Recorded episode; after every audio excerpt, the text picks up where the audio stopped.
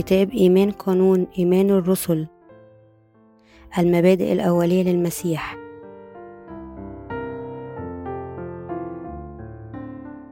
للكاتب بول كيونغ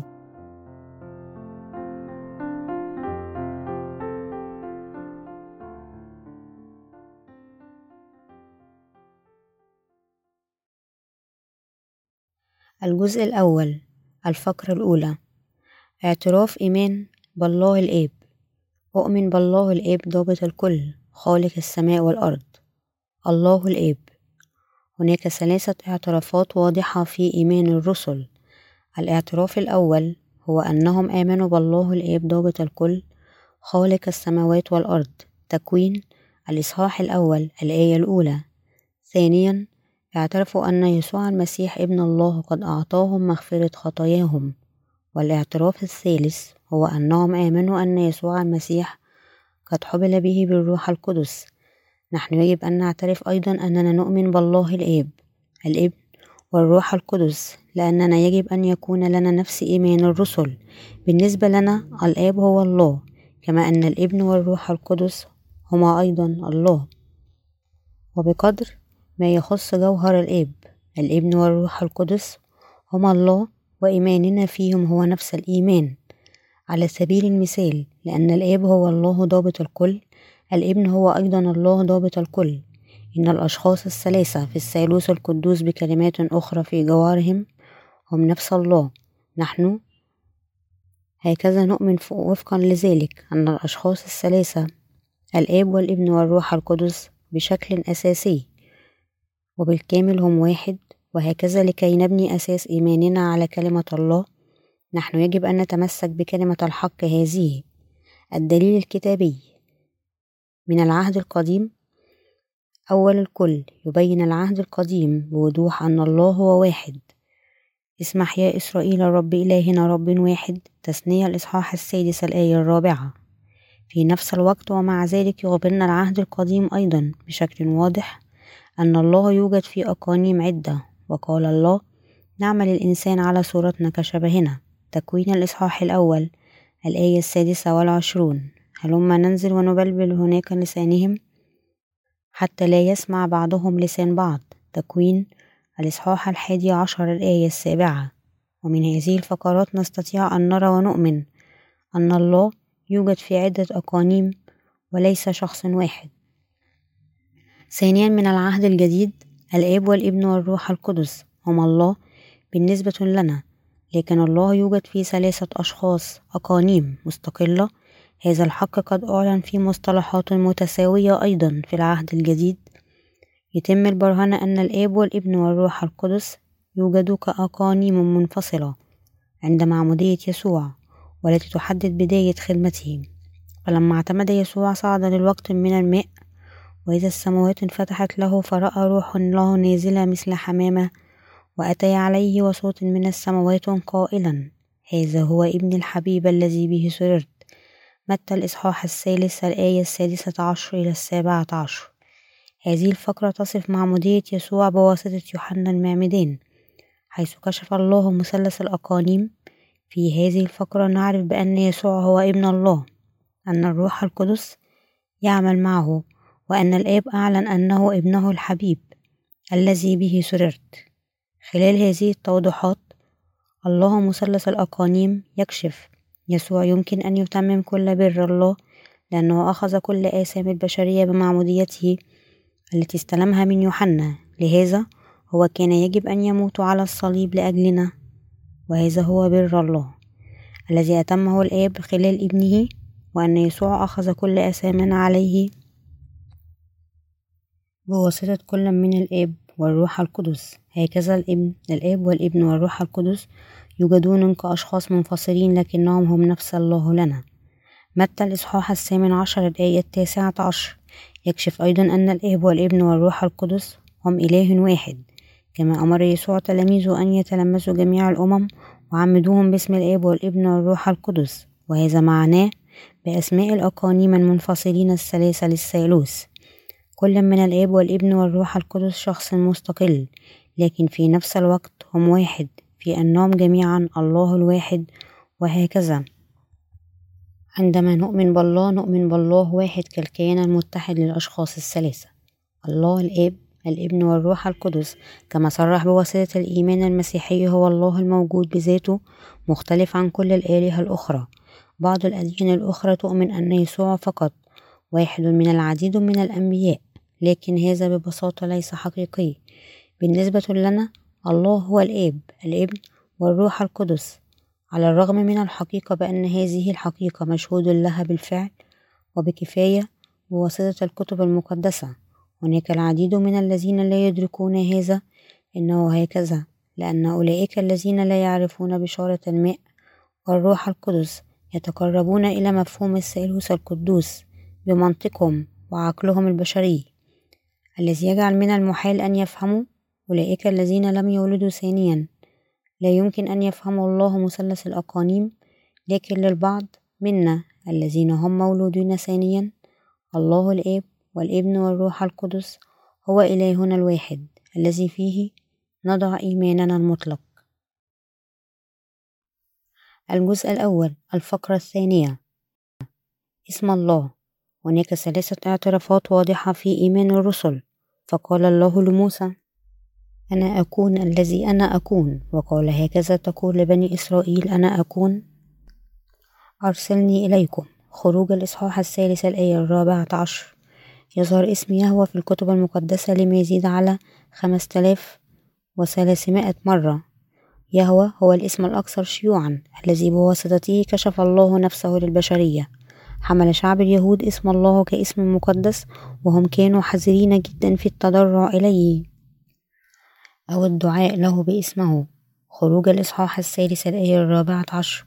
وبمنحهم الاحترام العظيم لاسم يهوه تبنوا واستعملوا اسم آخر أدوناي. ليدعو الله أن معنى هذا الاسم هو رب الكل بالاسم التالي. وبالأسلوب التالي الواحد الذي يوجد الواحد الذي هو رب الحياة. الواحد الذي كان ويكون سيوجد إلى الأبد بذاته. نحن ندعو الله كالآب والابن والروح القدس. إن اسم ابن الله الآب هو يسوع المسيح.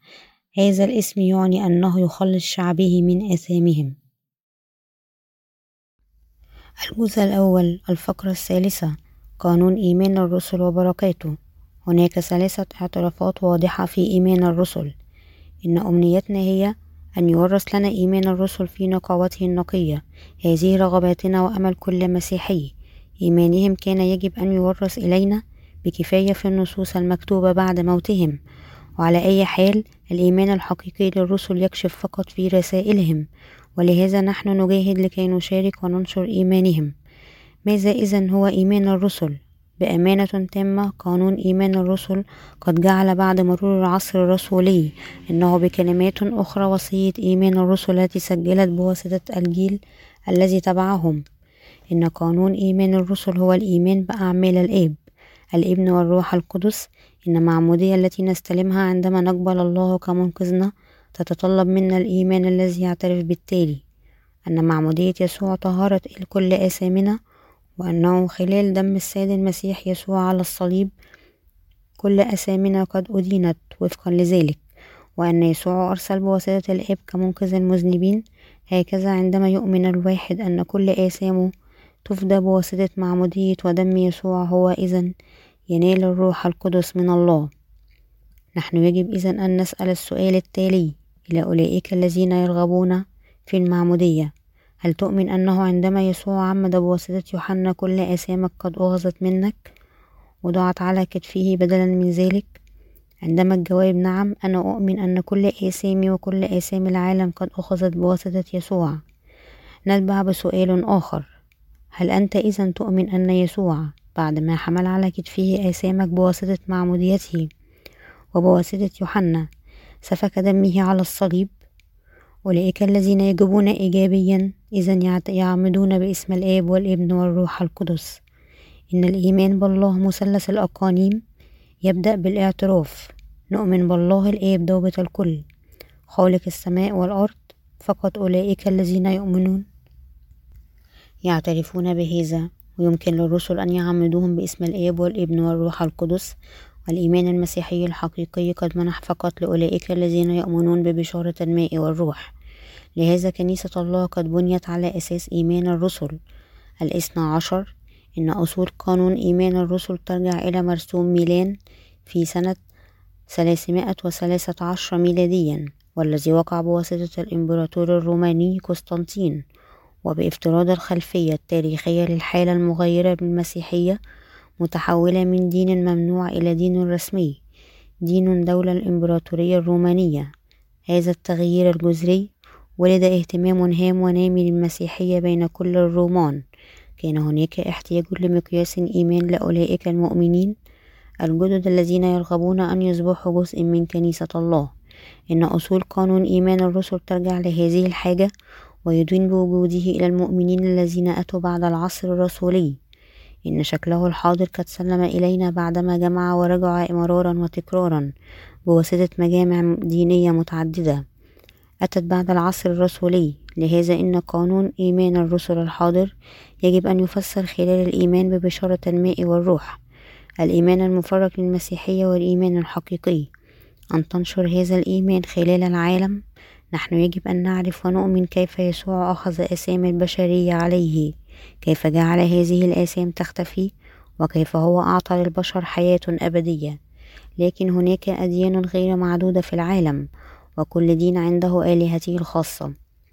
الخلاف بين هذه الآلهة وإله المسيحية هو أنه بينما الأولى هي إنشاء إنساني مجرد الأخير هو الله الذي يوجد بذاته. أن تثق بإله المسيحية الواحد يجب أن يترك كل هذه الآلهة الباطلة للأديان الصناعية بدون هذا. كل الجهود تكون غير مثمرة. السبب أننا نرى أمام عيوننا مثل هذا تشويش للإيمان. حول الله هو بسبب نقص المعرفة بالله الخالق واسمه. في الإمبراطورية المنغولية كان هناك إله يدعى بورو هونج هذا الإله لا يقول أنه خلق العالم ومع ذلك ما زال المنغوليون يعبدون بورو هونج كإلههم حتى إلى هذا اليوم وهكذا حتى عندما يؤمنون بإله المسيحية كإلههم الخاص يسقون بإلههم الوطني أيضا. هذا يجعل من المحال أن يكون لهم الإيمان الحقيقي. لو أن الواحد اعتقد أن إله المسيحية هو نفس إلههم الوطني هو لا يمكن أن يتقابل مع الإله الحقيقي المصرح به بواسطة الإيمان المسيحي. لهذا نحن يجب أن نشهد لإله المسيحية مثلث الأقانيم. لماذا هو أمر صعب جدا للإيمان المسيحي الحقيقي بالله أن يصل لكل أمم العالم؟ ذلك لأن العديد منهم لا يمكن أن يميزوا الفرق بين آلهتهم وإله المسيحية الآب والابن والروح القدس. هذا السبب الآخر لمثل هذه الصعوبة هو أن المسيحية فشلت أن تحفظ وتبشر بحقيقة مغفرة الخطية بشارة الماء والروح خلال تاريخها. إن المسيحية قد قدمت في الإمبراطورية المنغولية الكثير من المساومات مع الدين الوطني الموجود لكي تتجنب أي نزاع إيماني مع المذاهب البوذية الميمنة وهذا أدى لفشل ازدهار الحق المسيحي. إن الحق المسيحي للتكفير لا يمكن أن يتوافق مع المذاهب البوذية. إن حقيقة التكفير هذه تعني أن يسوع أخذ عليه كل آثام العالم لأجل البشرية. مات على الصليب في مكاننا وقام من الموت ثانيا وهكذا يخلص أولئك الذين آمنوا به. ولكل واحدة من العقائد البوذية هي البغض الشديد للقتل وإن صميم الحق المسيحية هي بشارة الماء والروح. وهذه الحقيقة تستلزم معمودية يسوع لرفع الخطية وإراقة دمائه على الصليب. ولكن بسبب العقيدة البوذية التي يحرم أي قتل كلمة حمل الخطية وموت يسوع لم يكن ولم يمكن قبولها أو الإيمان بها. إن العقيدة المسيحية للتكفير إذا لم تتمكن أن تتعايش مع المذهب البوذي للضمير. ونتيجة لذلك المسيحية في الإمبراطورية المنغولية انتهت بأن امتصت في النهاية بواسطة البوذية ويمكن ألا توجد في منغوليا بعد. عندما الكنيسة في الإمبراطورية المنغولية واجهت محن واضطهاد وعلاوة على ذلك العديد من المسيحيين هربوا إلى المعابد البوذية مع التردد القليل وبشكل سهل تحولوا للبوذية وهكذا أدت إلى الفناء النهائي للمسيحية في تلك الأمة. السبب الأكبر لماذا اختفت المسيحية من الإمبراطورية المنغولية؟ يجب أن يكون في حقيقة أن الإيمان المنغولي في الله مثلث الأقانيم لم يكن أكيد. لقد رأوا بوذا ويسوع كنفس الإله هذا ما قاد إلى الاختفاء النهائي للمسيحية من الإمبراطورية المنغولية. الحياة الأبدية يمكن أن تكون فقط إلى أولئك الذين يخلصون؟ من أساميهم بواسطة الإيمان بالله الحقيقي للمسيحية كإلههم الخاص بغض النظر عن من هم وأين هم نحن يجب أن نؤمن إذا ببشارة الماء والروح وفي الله مثلث الأقانيم هذا هو أساس إيماننا في كنيسة الله ونحن يجب أن نشهد لهذه الحقيقة أيضا. هذه الحقيقة ليست إلا إيمان الرسل الذي يتكلم عنه الكتاب المقدس. هناك فقط إله واحد في كل العالم وهو الله مثلث الأقانيم اسمه يهوى أو يسوع المنقذ أو الروح القدس. هو الله الحقيقي ليس فقط للمسيحيين ولكن أيضا لكل المتدينين. الجزء الأول الفقرة الرابعة. من هم الرسل؟ ولأن هذا الإيمان يدعى قانون إيمان الرسل نحن نحتاج لأن نعرف من هم هؤلاء الرسل. إن كلمة رسول تعني الشخص الذي يرسل وفي اليونانية الكلمة هي أوسطولوس تعني نائب مفوض والذي يعهد إليه بمهمة وبأمانة تامة. وعلى أي حال إن اسم الرسل يخص فقط للإثنى عشر تابع المدعوين بواسطة يسوع. ولكن في المعنى العام تم استخدامه ليصف المعلمين المسيحيين الساميين الآخرين مثل برنابا أعمال الرسل الإصحاح الرابع عشر الآية الرابعة عشر. الجزء الأول الفقرة الخامسة مؤهلات وواجبات الرسل. أولا هم أولئك الذين استلموا الدعوة بشكل مباشر بواسطة السيد المسيح لينشروا بشارة الماء والروح. مرقس الإصحاح الثالث الآية الثالثة عشر. لوقا الإصحاح السادس الآية الثالثة عشر. غلطيا الإصحاح الأول الآية الأولى. ثانيا هم أولئك الذين عاشوا مع السيد المسيح وشهدوا لأعماله على الأرض. إن أتباع السيد المسيح يسوع كانوا شهود على إتمام بر الله خلال حياة السيد المسيح. أعمال الرسل الإصحاح الأول. الآية الحادية والعشرون إلى الثانية والعشرون. كورنثوس الأولى الإصحاح التاسع الآية الأولى. ثالثا هم أولئك الذين بالامتلاء بواسطة الروح القدس استلموا القوة لأن تنكز الأعمال التي أوصاهم بها السيد المسيح. أعمال الإصحاح الخامس عشر. الآية الثامنة عشر. الثامنة والعشرون. كورنثوس الأولى الإصحاح الثاني الآية الثالثة عشر. تيموثاوس الأولى الإصحاح الرابع الآية الثامنة. يوحنا الأولى الإصحاح الخامس الآية التاسعة إلى الآية الثانية عشر. رابعا هم أولئك الذين قد نالوا القوة على عمل معجزات ليشهدوا لبشارة الماء والروح على هذه الأرض. الله قدم قوة عظيمة للرسل لكي يبرهنوا أن يسوع المسيح هو الله مخلصهم. أعمال إصحاح التاسع الآية الأربعون.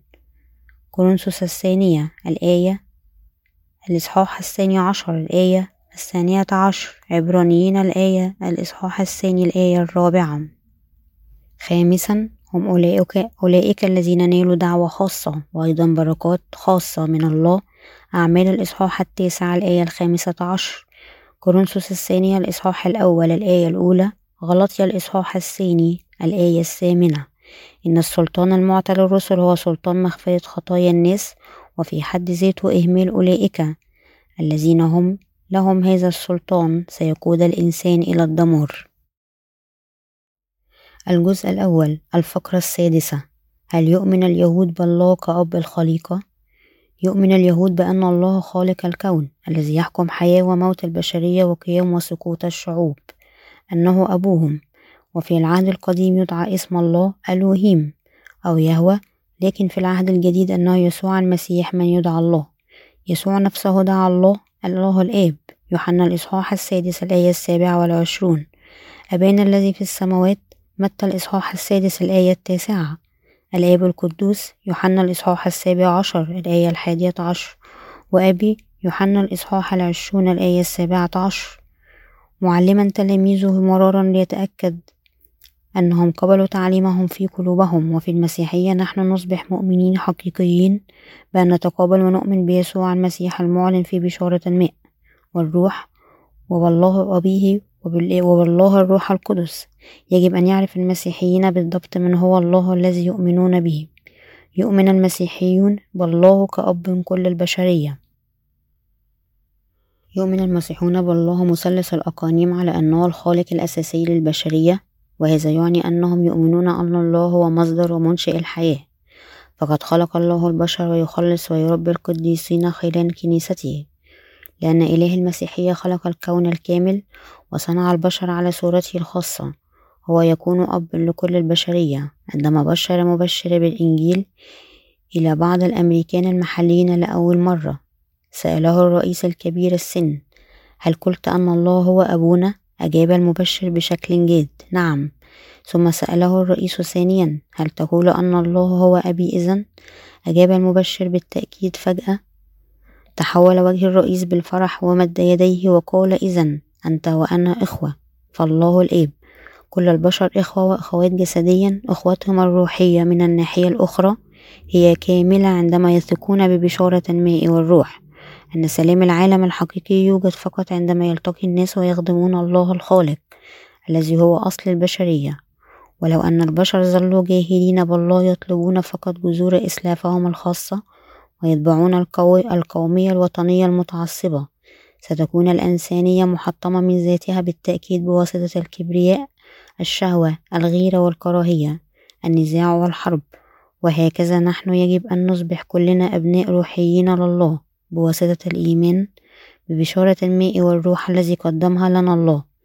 إنه الله الآب الذي يعطينا نور شمس الصباح الدافئ الغروب الجميل الفصول الأربعة الليل والنهار. وهو الذي يغذي ويربي كل أشكال الحياة كلتا البشر والحيوانات بواسطة سقوط المطر والثلج. وتقديمه لنا الثمار الوفيرة للأرض لهذا يغنى مزمور المئة الآية الثالثة. اعلموا أن الرب هو الله هو صانعنا وله نحن شعبه وغنم مرعاه وأن الله يعرف كيف تعمل أجسامنا يغذينا بالمنتجات الملائمة في كل الفصول الأربعة. كمثال لأن نعرف كثيرا في حرارة الصيف الله يعطينا ثمارا طازجة وكثيرة العصير مثل الدراك والبطيخ والطماطم والعنب والفواكه الأخرى. وبالأخص نحن لا يمكن إلا أن نكون مندهشين بالأعمال الداخلية الرائعة في أجسامنا. الآن إنه معروف أن حياة البشر توجد في داخل دمهم لكن هذا قد كتب في الكتاب المقدس مسبقا منذ ثلاثمائة وخمسة آلاف سنة.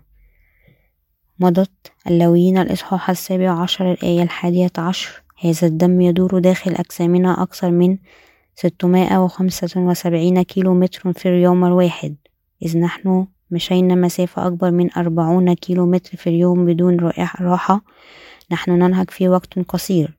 لحد الآن قلوبنا تدير الدم أكثر من ستمائة وخمسة وسبعون كيلو متر في اليوم الواحد بدون أي راحة في كل ثلاثمائة وخمسة وستين يوما سنويا.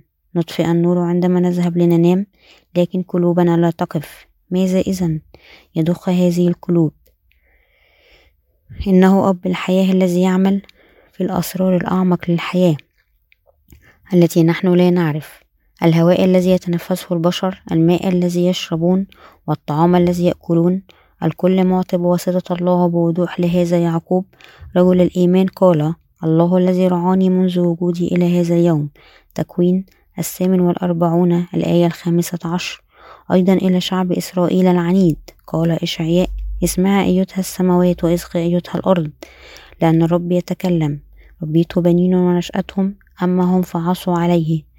الثور يعرف قانيه والحمار معلف صاحبه أما إسرائيل فلا يعرف شعبي لا يفهم. إشعياء الإصحاح الأول الآية الثانية إلى الثالثة.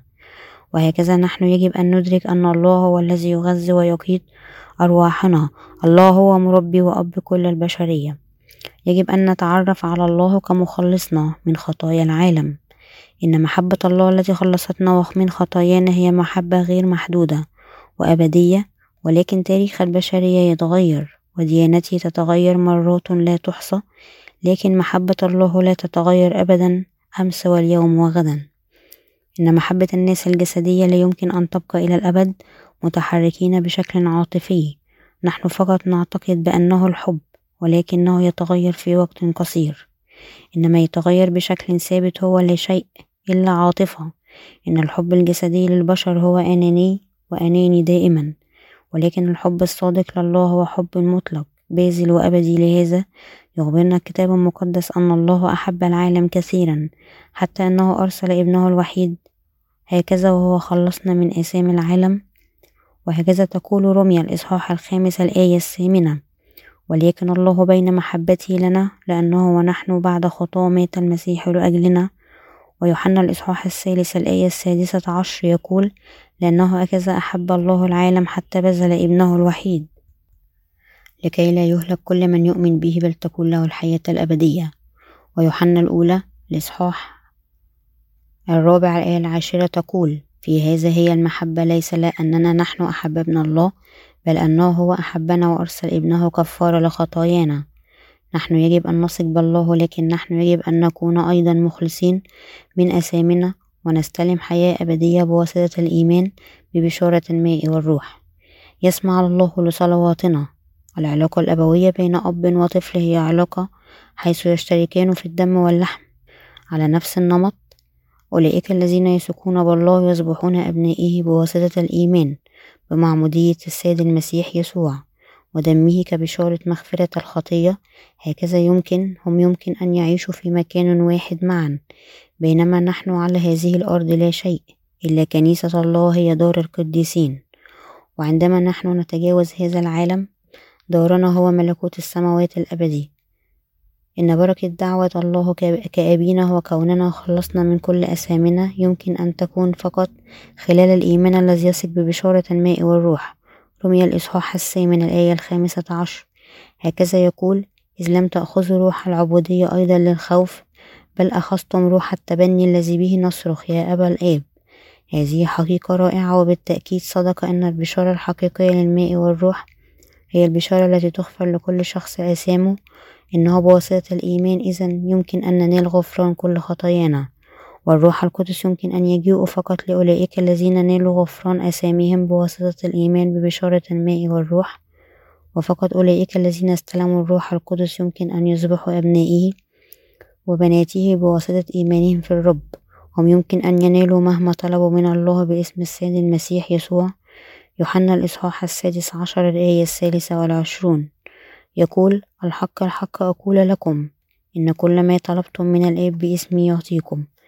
الله هو الآب الذي بغض النظر عن كيف يستمر المؤمنون به أن يدعو اسمه لا يغتاص ولا يؤنبهم. يعقوب الإصحاح الأول الآية الخامسة.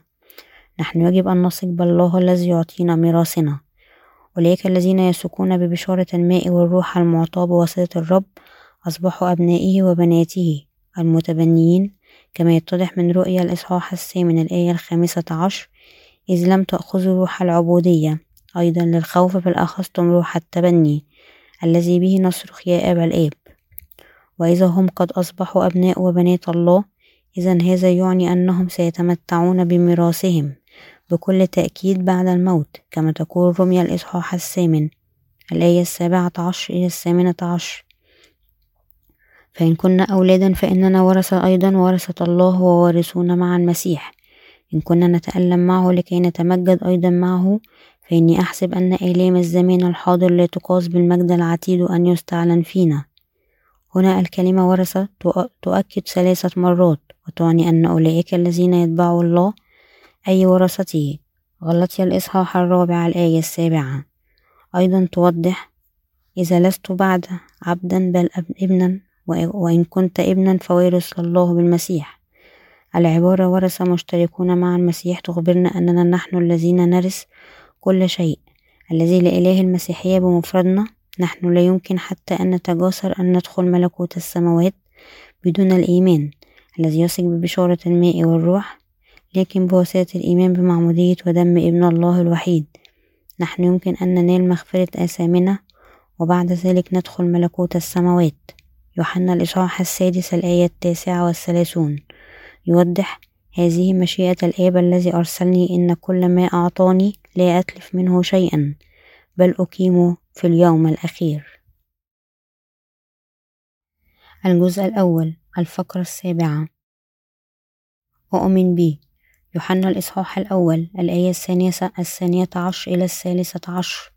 إن الاعتراف بالإيمان بقانون الرسل. هو تصريح إيمان الرسل الذي يؤكد كيف بالضبط كانوا يؤمنون بالله وهكذا هذا الإيمان يجب أن يبدأ بالإعتراف.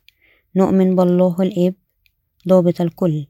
السبب لعمل هذا هو أننا نريد أن يكون لنا الإيمان الذي يريده الله. منا إن حياة الإيمان لكل فرد هي أن نؤمن بالله مثلث الأقانيم لأن الإيمان يبدأ بالمعرفة والثقة بالله ضابط الكل. هذا الإيمان يعكس الرغبة أن يكون لنا الإيمان الذي يريده الله منا. عندما نثق بالله إنه مستحيل لنا أن نستنتج أن الله خلق الكون بواسطة التغلغل في محاولاتنا الخاصة الاستنتاجية. نصل لهذا الاستنتاج فقط بواسطة الإيمان بكلمة الله الخالق. وعندما نأتي للقضايا التي نحن لا يمكن أن نوصلها بشكل مباشر ونبرهنها بمفردنا نحن يمكن فقط أن نقبل الكلمة الموثقة. إن كلمة الكتب المقدسة هي الحقيقة الموثوقة. أن الأنبياء والرسل هم كتاب الكتاب المقدس الذين قد ألهموا بواسطة الروح القدس. يسوع هو الله المنقذ الذي شفى الناس من أمراضهم العضال وأقام حتى الأموات ليعيشوا ثانيا. ملهمين من الله الأنبياء كتبوا كلمة الله من بداية الخليقة إلى خلاصه خلال ابنه يسوع وبواسطة الإيمان بكتاباته كما هي نحن يمكن أن نؤكد صدق كلمته ونتقابل مع إله الحق. في المسيحية الذين يثقون بيسوع حقا كالمنقذ يثقون ببشارة الماء والروح التي تخلصهم من أثامهم لأن نصير هذا الإنجيل هو يسوع نأخذ ما قاله يسوع لنا كما هو بواسطة الإيمان بكلمته. نحن يجب أن نثق كلنا بكلمة إله المسيحية لأننا نحتاج المنقذ وذلك لأننا مولودين خطاة. المذنبون يمكن أن يخلصوا متى يؤمنون بكلمة بشارة الماء والروح التي أعطاها لهم يسوع. هذه هي الحقيقة التي منحها الله للبشرية.